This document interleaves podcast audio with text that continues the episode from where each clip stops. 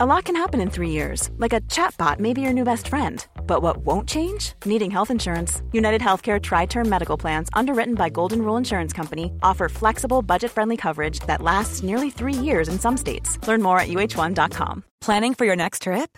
Elevate your travel style with Quince. Quince has all the jet setting essentials you'll want for your next getaway, like European linen, premium luggage options, buttery soft Italian leather bags, and so much more. And is all priced at 50 to 80% less than similar brands. Plus, Quince only works with factories that use safe and ethical manufacturing practices.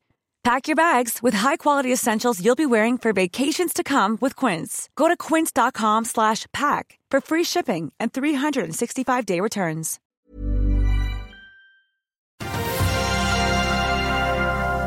Den amerikanske sentralbanken kommer med rentebeslutning. Lakseprisen stiger til nye høyder, og vi har besøk av laksegründer Roger Hofseth. Det er onsdag 22. mars, og dette er Børsmorgen.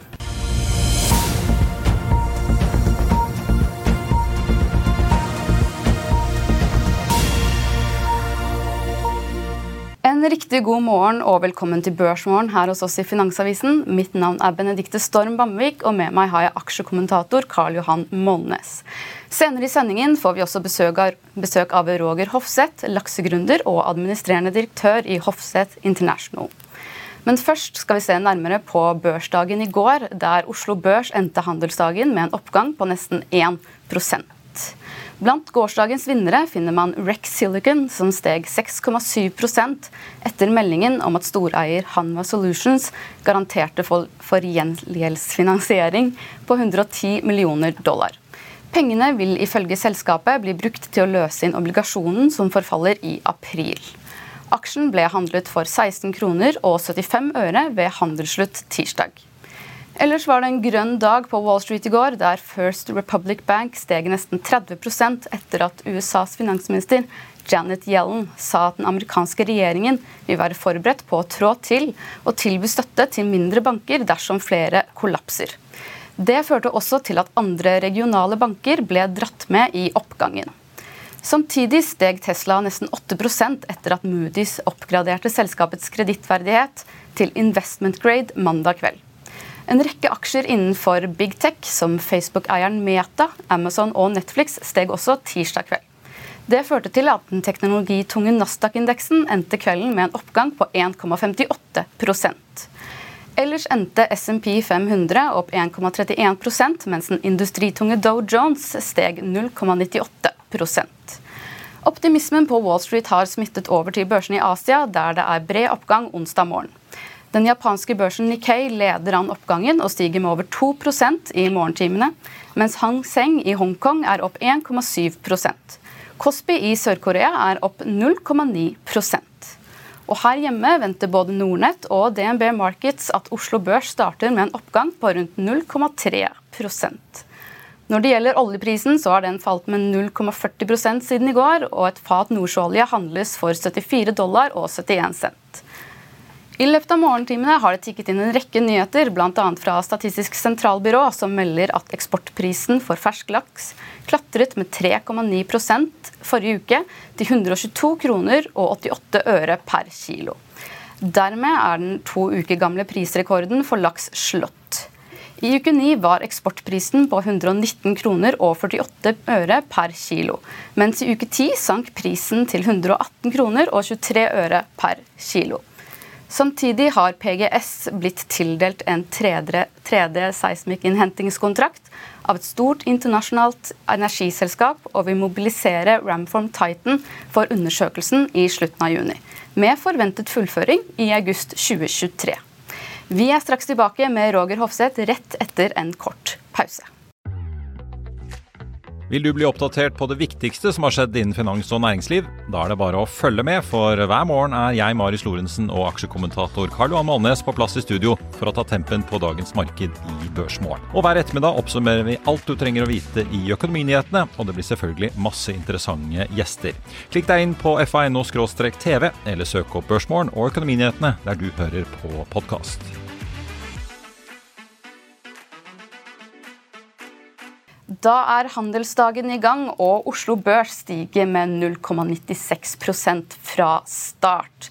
Dermed går vi over til dagens gjest, Roger Hofseth. Velkommen til oss. Takk for det. Eh, du er jo nå på besøk i Oslo, eh, og, kan, og det er ikke bare for å snakke med oss eh, her.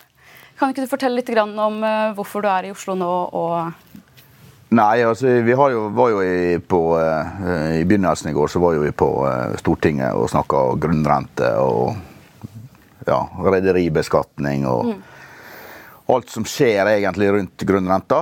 Så I går kveld så var vi på Debatten da, og egentlig snakka om uh, Vi starta en, jeg og Knut Flakk starta en aksjon som heter Aksjon for norsk eierskap. da, Dette her med formuesskatt og hvorfor skal norske eiere betale formuesskatt. og Eh, utenlandske eiere av staten da egentlig går fri. Mm. Nettopp. Men hvem var det du møtte altså utenom debatten?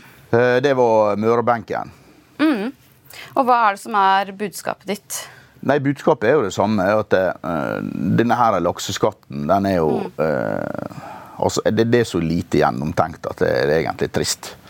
Uh, og sånn som for fylket vårt, heimfylket vårt, da, så er jo faktisk verdiskapninga mye større på underleverandørene. Du har en, en, årlig verdiskapning på 13 milliard. Og det som skjer nå, det er jo at grunnrenteskatten er jo en skatt som du Formuesskatt betaler du om du taper penger eller tjener mm. penger. Grunnrente er jo tross alt en skatt som du betaler når du tjener penger. Mm. Men, men altså, slik at det som eller egentlig har vært min budskap fra dag én, det er at som jeg tror politikerne, hvis de hadde brukt litt tid, pusta og tenkt, så jeg prøvd å, å snakke om det her med å bruke miljøordning. da. Altså, Jeg har jo hele tida sagt at hvis de hadde laga ei panteordning der at du kunne ta en åpen konsesjon og konvertere til tre lukka, mm. og da har vi fått i gang en eh, investering i ny teknologi mm. Og det er jo mange som snakker om havoppdrett og alt sånt der. Eh, det, det tror jeg er langt opp og fram. Og som historie som fisker så vet jeg at det, eh, ligger ute i Barentshavet med 14-18 meter bølgehøyde. Det er det masse utfordringer ute i havet. Mm. Så enkel løsning, og da kunne vi fått aktivitet i verfta, underleverandører. Kanskje lage en næring på å egentlig selge opptrekksteknologi ut av landet. Mm. Så prøv å snakke med politikerne, og, og de må begynne å tenke enkelt, ikke komplisert. Mm. Dette har jo også fått navnet Vestlandsopprøret, og det hadde vel en kickoff Nei, det, der, det er feil, skjønner du. Okay. Eh, Vestlandsopprøret det kaller, var han Bjørdal i Venstre som satte ja. i gang og kalte det. Og det, vi, og det er folk som har ringt med, det er ingenting med fergebilletter å gjøre, og det er ingenting med innfartsveier til Ålesund å gjøre. Det er eneste Det er aksjon for norsk eierskap, og vi, det er bare innretninga på formuesskatten vi skal ta tak i. Ingenting annet. Mm. Og hvem er det som er med på uh, denne bevegelsen?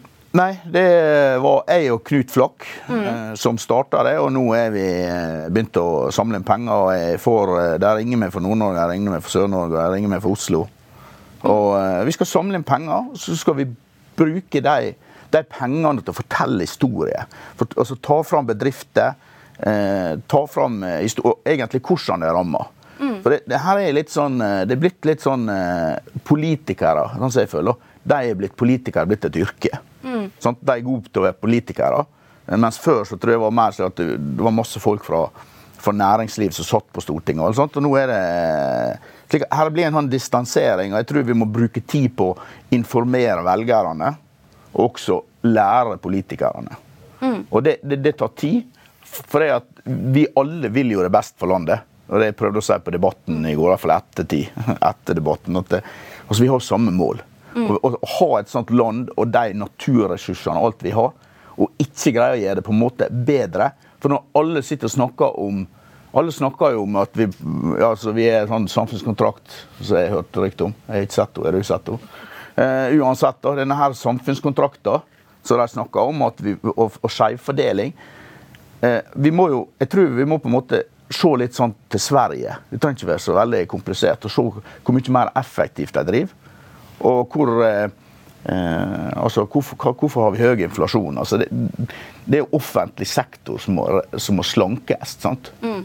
Og så må vi lage det veldig bra for gründere og entreprenører. Vi kunne lage et, egentlig et, et, land der folk kom til Norge for å skape bedrifter. Mm. Og Hvordan rammer denne formuesskatten og økt utbytteskatt bl.a.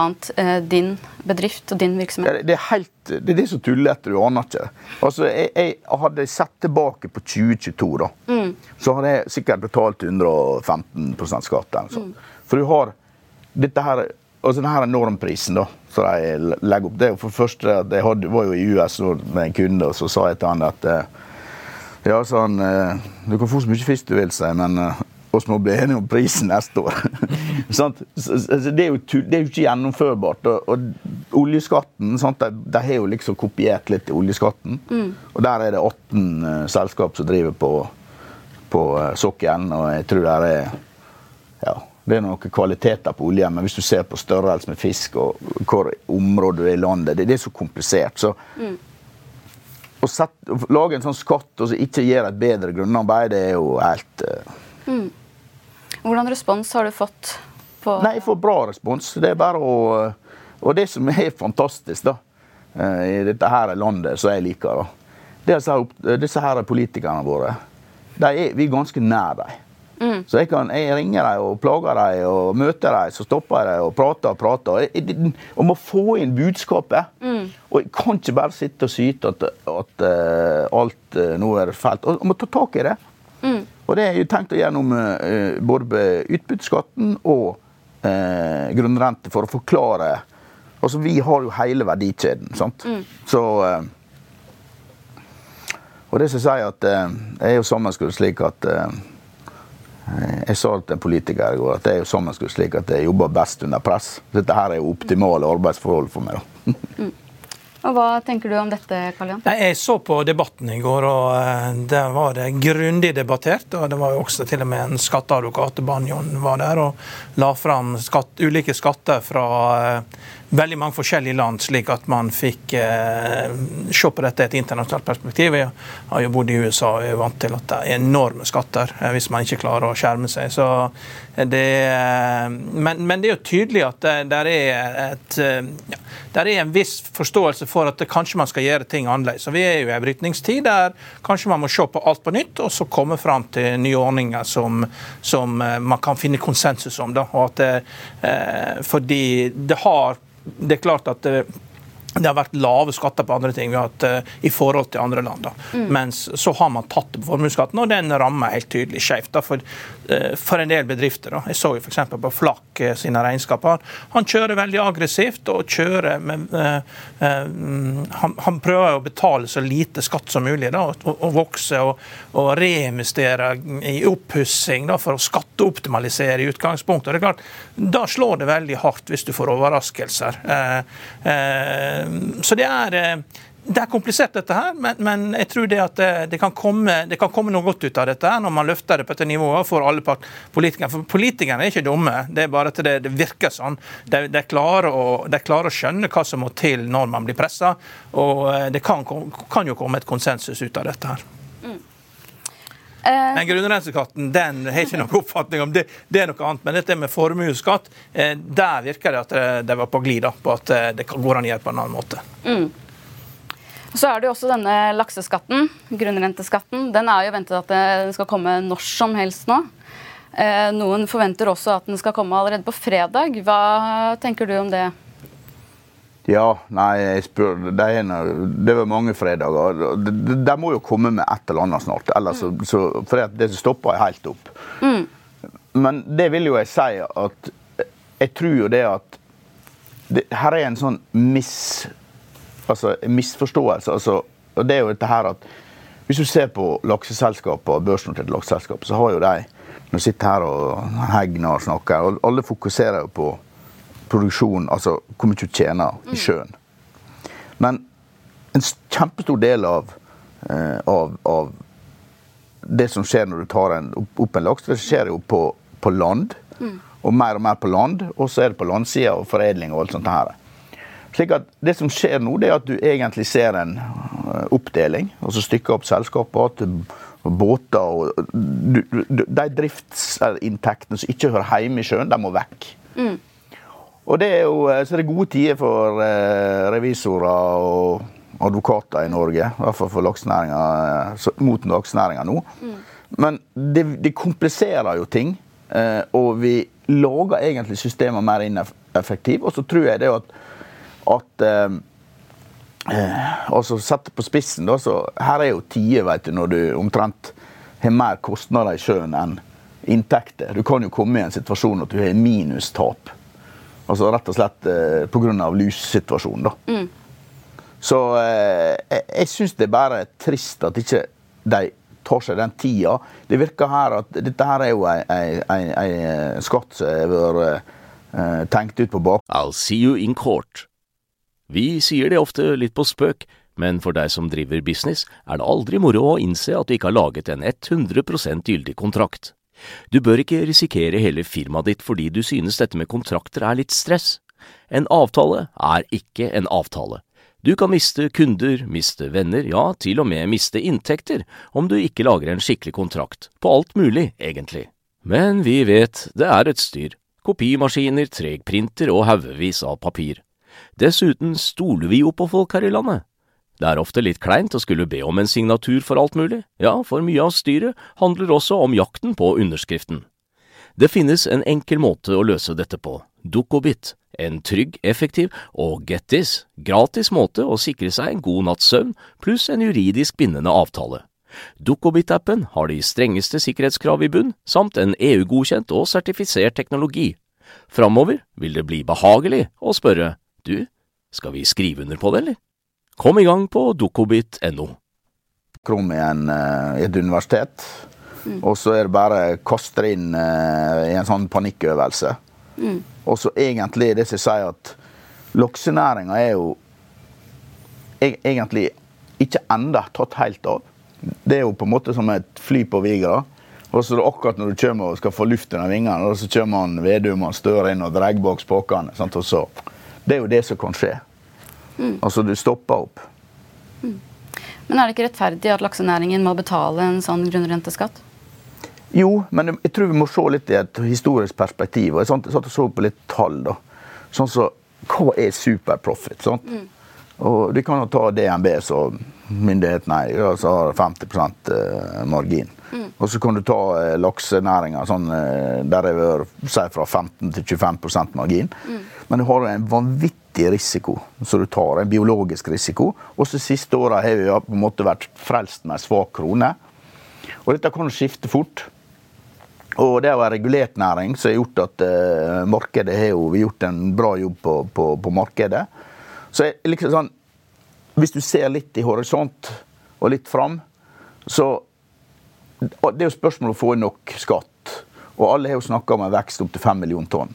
Og Hadde vi kunnet fokusert på det, og så heller gjort innretninger slik at du fikk større aktivitet, sånn som jeg sa at hvis du hadde opp, fått intensivordninger for å gå lukka, mm. og du da kunne fått i gang verfta. De snakka om å gi 30 milliarder i verftspakker. Jeg har ikke tenkt noen verftspakker hvis de hadde eh, altså Det hadde vært hver eneste smie langs med kysten hadde sveisa på en tank. og hvert fall nå at når det var fare for få skatt, så hadde jo alle oppdretterne satt i gang eh, med en gang. Mm. Men disse diskusjonene om lakseskatten det har jo skapt store svingninger på Oslo Børs blant ja, ja. Eh, lakseselskapene. Det har jo vært eh, ja, litt av en reise. Hvordan har det vært for Hofstedt Biocare å skulle manøvrere seg gjennom et sånt marked? Ja, Hofstedt Biocare ligger jo litt på sida. Vi håndterer jo restråstoff. da. Mm. Og, og, vi har jo hatt vårt løp i alle år. Sånn som For min del så foredler jeg nærmere 60 000 tonn med laks. Mm. Og da får jeg 20 000 tonn med rygg, hode og skinn, så jeg sender dit. da. Ja. Så, så, vi er ikke blitt påvirka i altså, Kursen er ligget på det samme. og det, mm. Den kursen den, eh, den, vil ikke gå før at uh, vi får til dette, her, men vi er veldig på god vei. og Det har jeg sagt i mange år, men egentlig Hvis man tenker litt eh, bærekraft, da. Sånn, så det er litt sånn Det i Norge sånn som vi aldri snakker om. Vi har jo dette her med flyfrakt. Mm. Snakker vi bærekraftig matproduksjon, men det, er jo så at, det sier jo seg sjøl. Det å foredle fisken lokalt, lage ferdigvarer, sende det i markedet, mm. og så håndtere restråstoffer. For du har jo alle næringsstoffer. Mm. Det som sier at uh, De fleste og beste næringsstoffer er faktisk i andre ting enn fileten på fisken. Mm. Eh, nå skal vi snart runde av, men først vil jeg bare høre om dine utsikter om laksenæringen eh, fremover. Ja, så jeg tror det at eh, hvis vi får ordna denne her skatten med smak, på måte, så, så vil vi fortsette. Hvis ikke, så tror jeg det blir stopp. Det kommer til å bli høye priser. Og liksom litt, Jeg kom jo akkurat fra messe nå i USA. Og der var det en kar, en av verdens største øh, øh, butikkjeder, han sa til meg Og det er litt sånn Nå kommer øh, børsen til å gå opp, jeg har sagt, men hvis du har 2-3% av amerikanske befolkning eter 100% av laksen. Altså, for så mener at De eter kjøtt og, og kylling, men det, det, er en liten prosent. Mm. Hvis den prosenten begynner å vokse, mm. så har vi Og da snakker vi sjømat generelt. Mm. Og han sa det. Hofseth, du har i 15 år fortalt meg at Norge, laks det er uten antibiotika, den er verdens beste, og jeg har egentlig lagt så mye i å markedsføre ditt selskap. Mm. Og så kommer myndighetene dine. Du sa at du var et stabilt politisk land med en slik skatt skal vi, kan, skal, vi fortsette markedsføring når vi, når vi, mot ett land hvis vi faktisk ikke vet at det kommer supply? Mm. Så det er liksom, det, Politikerne ser det er litt sånn Kardemommeby som det er. At de glemmer at vi er en verden. I en stor verden. Ja. Vi må snakke litt om lukka anlegg også, for du er jo en, eh, en, av pionerene der. Hva er det du holder på med nå der? Nei, Vi kjøpte jo ut fra Movi eh, den utviklingskonsesjonen eh, sammen med Hauge, som har da laga dette her egget. Vi har satt ut første demomodellen eh, inn i romstasjonen nå i eh, oktober. Vi har kjørt nå én produksjonssyklus da, der vi eh, har tatt fisken egentlig fra 150 til eh, 1,3 kilo nesten, og satt den ut i åpen mer. Og så har vi satt ut ny fisk i egget og skal ta den enda høyere. Hva gjør du med avfallsproblematikken i egget? Filtrerer ut alt. Filtrerer ut alt, ja. ja. Mm. Uh, filtrerer ut alt, og det som er så uh, faktisk spennende, da, det er jo at vi får ut nesten 50% mer slam enn hva vi forventer. Det kjører vi til biogass. Ja. Mm. Jeg tror vi må runde av der. Uh, tusen takk for at du kom til oss, Roger. Da tenker jeg at vi skal hoppe rett over på dagens største begivenhet, nemlig rentebeslutningen til den amerikanske sentralbanken Federal Reserve. Og der har det vært svært uvanlig høy uh, usikkerhet uh, de siste. Uh, før bankuroen spredte seg i markedet, så var det forventninger om en dobbel renteheving i kveld. Men dette bildet har nå endret seg. Karl Johan? Ja, det er, Nå har jeg ikke sett de siste tallene, da, mm. og, men, men 70 eh, sannsynlighet for 25 eh, basispunkt. Men igjen, dette er en politisk beslutning, og, og er, de sier at det er dataavhengig, men det er så mange data å velge i at eh, de kan velge sjøl hva de vil, om det er 50 basispunkt, 25 eller 0. Mm. Og det, det, aller viktigste er jo hva um, Powell sier, og der har Are Haram, vår makroøkonom, han har en veldig god artikkel i avisen der han sier at det er, det er enorm uro i markedet, mm. i aksjemarkedet når Powell snakker, fordi at han eh, han eh, får gjennom den beslutningen. Det er han som tar beslutninger i, i, i styret. Og så går han, eh, og, og, og, og da, da, må de bli enige om en tekst som de sender ut. Men det han egentlig mener, det sier han i talen etterpå. og Det er det som skaper støyen. Så det er, det er, to deler. Det er hva han, eh, hva han faktisk gjør med renten, og så er det hva han sier etterpå. Så vi må regne med Uh, uro i markedet. og Det har vært veldig stille, var veldig stille i markedet i går, det er veldig stille nå, men uh, det kommer til å bli uro i kveld. Mm. Jeg ser jo også for, for, så vidt at Oslo Børs har snudd ned, faller nå 0,10 ja. uh, Så det er litt Eh, vinglete her hjemme også, i påvente på rentebeslutningen. Eh, men jeg ser jo også at eh, CMA Fedwatch de tenker at det er 89% sannsynlighet for at renten blir satt opp med 25 ja. punkter. Ja, og, og, det er det mest sannsynlige at, at det skjer. Mm. Ja, og det, det, det, har jo vært noen tommelfingerregler om at hver gang de er over 80% så har man alltid rett. eller et eller annet sånt. Men, ja. men husk på at det er politisk beslutning, og, mm. og de kan overraske og Det er ikke sånn at nødvendigvis er positivt at de kommer og ikke øker renten, hvis det skulle bli tilfellet. For da er det en grunn for det, mm. at de gjør det. Så, og da får vi jo det i talen etterpå, hvorfor man gjør det man gjør. Mm. Men Hvordan tror du markedet skulle reagere dersom rentehevingen ikke ligger på 0,25 Jeg vet ikke. Det, det, kommer an på hva Powell sier. og det er klart De har jo utrolig godt innsyn i eh, statistikken for hvor mye bankene låner ut. og eh, fordi USA har en altså De styrer økonomien mye mer effektivt enn vi gjør, ved at du har, når, rentekurven rentekurvene inverterer, så stopper banken å, å, å, låne ut. Det gir ikke insentiv til å låne ut til bil og til hus, mm. og det er en veldig stor del av endringen i økonomien. Altså, du, du, du, har mye raskere Du, du liksom bremser økonomien og setter fart på økonomien på en helt annen måte enn det vi gjør i Norge. I Norge så lar vi jo valutaen ta støyten da, ved å ikke øke renten så mye, så at vi, vi har litt sånn, syr litt puter under armene på oss for at det ikke skal bli så ille. liksom. Mm. Det, det, det, er jo fordelen med å bo i et, eh, en råvareøkonomi, en rik råvareøkonomi. Mm. Men Hvordan tror du rentebeslutningen i kveld vil påvirke rentebeslutningene til Bank of England og Norges Bank i morgen? Det vet jeg ikke, men jeg så det i dag tidlig at uh, inflasjonen i England gikk opp til 10,7 uventa. Mm. Uh, så uh, de kommer nok ikke til å ja, De kommer nok ikke til å være forsiktige der, da, for de må jo få inflasjonen ned. Mm.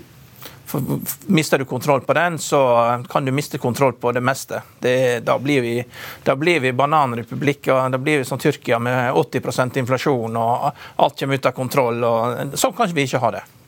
Nei. Vel, Vi får bare vente og se. Beslutningen ja. kommer jo klokken eh, syv i kveld, norsk tid. Men eh, vi skal jo også snakke litt om Rex Silicon. Det skal ja. vi få lov til å ja. Jeg har jo en, kom, har jo en kommentar om uh, REC Silicon. og ja. de, har jo, de, de, de, har jo hatt et stort obligasjonslån som hengt over dem på 110 millioner dollar. Og det har jo vært et problem, eh, fordi det, er, ikke så lett å få finansiering i markedet. Man kan se på hvilke renter som Archer har betalt og, PGS har betalt. Dette er selskaper som har aktivitet, er i drift og, og har kontantstrømmer. Men Rex Silicon de har ikke aktivitet, og da er, det, da er det som et oppstartsselskap. Eller du kan se på hva SAS må betale, 25% rente. Da er det 20-25% rente, og du må ha sterke eiere bak. Men det er klart, skal du, skal du lykkes som et infrastrukturselskap, så må du ha lave finansieringskostnader. Og hvis det er riktig da at renten er under 11,5% som var forrige, så er det en subsidie som gis da fra garantien fra Hanva, at eh, du erstatter obligasjonslån med banklån fra en koreansk bank. Og er det under 11,5% så er det iallfall en 5% rentesubsidie. og det er, jo, det er, jo, veldig bra for selskapet. Men, men han har sine grunner til å gjøre dette. for Hadde de gjort en emisjon og måtte ha tatt eh, flere aksjer enn den tredjedelen jeg eier, så hadde de kommet i tilbudsplikt.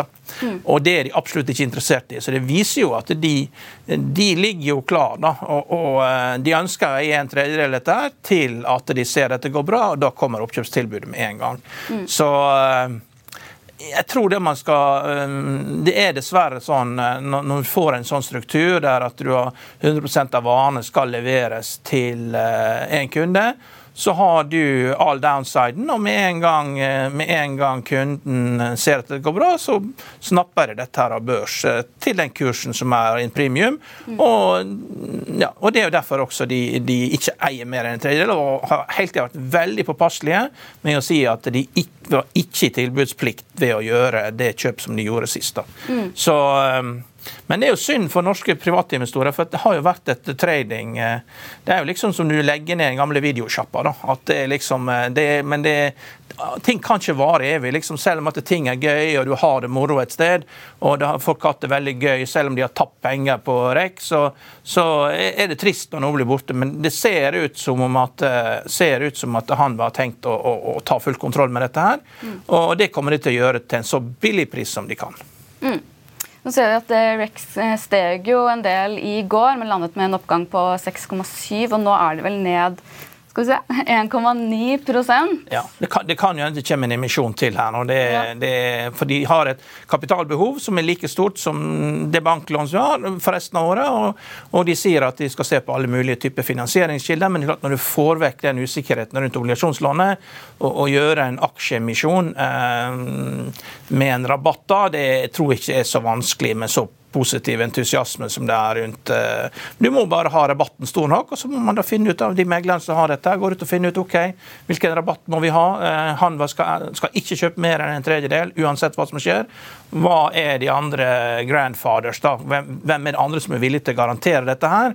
Og hvilken pris skal man da ha? Og Vi har jo sett tilfeller her hvor de har senket aksjekursen med 70-80 uh, Det tror jeg ikke er nødvendig her, men man vet aldri. Så man, som, som privatinvestor så må ikke man bli overraska at det kommer sånne kriseemisjoner. Mm. Fordi at hovedeierne bryr seg ikke. Det, fordi det er, det, er, ikke så viktig for dem eh, når du er i stand til å gjøre dette. Det viktigste er at verden går videre, og at de har kontroll på selskapet. Mm. Tror vi setter en uh, liten strek der. Vi nærmer oss slutten på dagens sending, men først skal vi gå gjennom noen ferske analyser fra meglerhusene som har tikket inn i løpet av natten. Clarkson Securities har bl.a. jekket opp kursmålet på Bård Drilling fra 69 til 95 kroner per aksje og beholder kjøpsanbefalingen. Samtidig har Goldman Sachs satt et nytt kursmål på Entra på 106 kroner per aksje, opp fra 98 kroner, og beholder salgsanbefalingen. Tirsdag kveld lå Entra-kursen på nesten 99 kroner. I tillegg har Morgan Stanley jekket ned kursmålet på Skipsted fra 285 til 280 kroner per aksje og beholder kjøpsanbefalingen.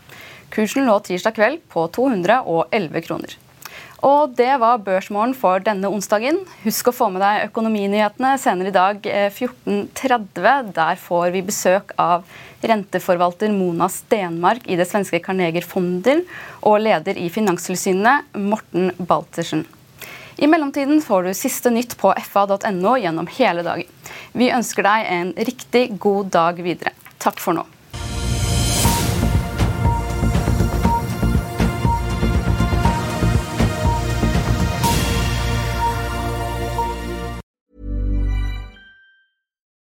It's the Kia Summer Sticker Sales Event, so give your friends something to look at, like a B&B with an ocean view, an endless field of wildflowers, or a sunset that needs no filter. Make this a summer to share and save with a capable Kia SUV or powerful sedan. See your local Kia dealer or visit kia.com to learn more. Kia, movement that inspires. Call 800 334 Kia for details. Always drive safely. Sale applies to purchase of specially tagged 2024 vehicles only. Quantities are limited. Must take delivery by 7824. Økonominyhetene er en podkast fra Finansavisen. Programledere er Marius Lorentzen, Stein Ove Haugen og Benedikte Storm Bamvik. Produsenter er Lars Brenden Skram og Bashar Johar. Og ansvarlig redaktør er Trygve Hegnar.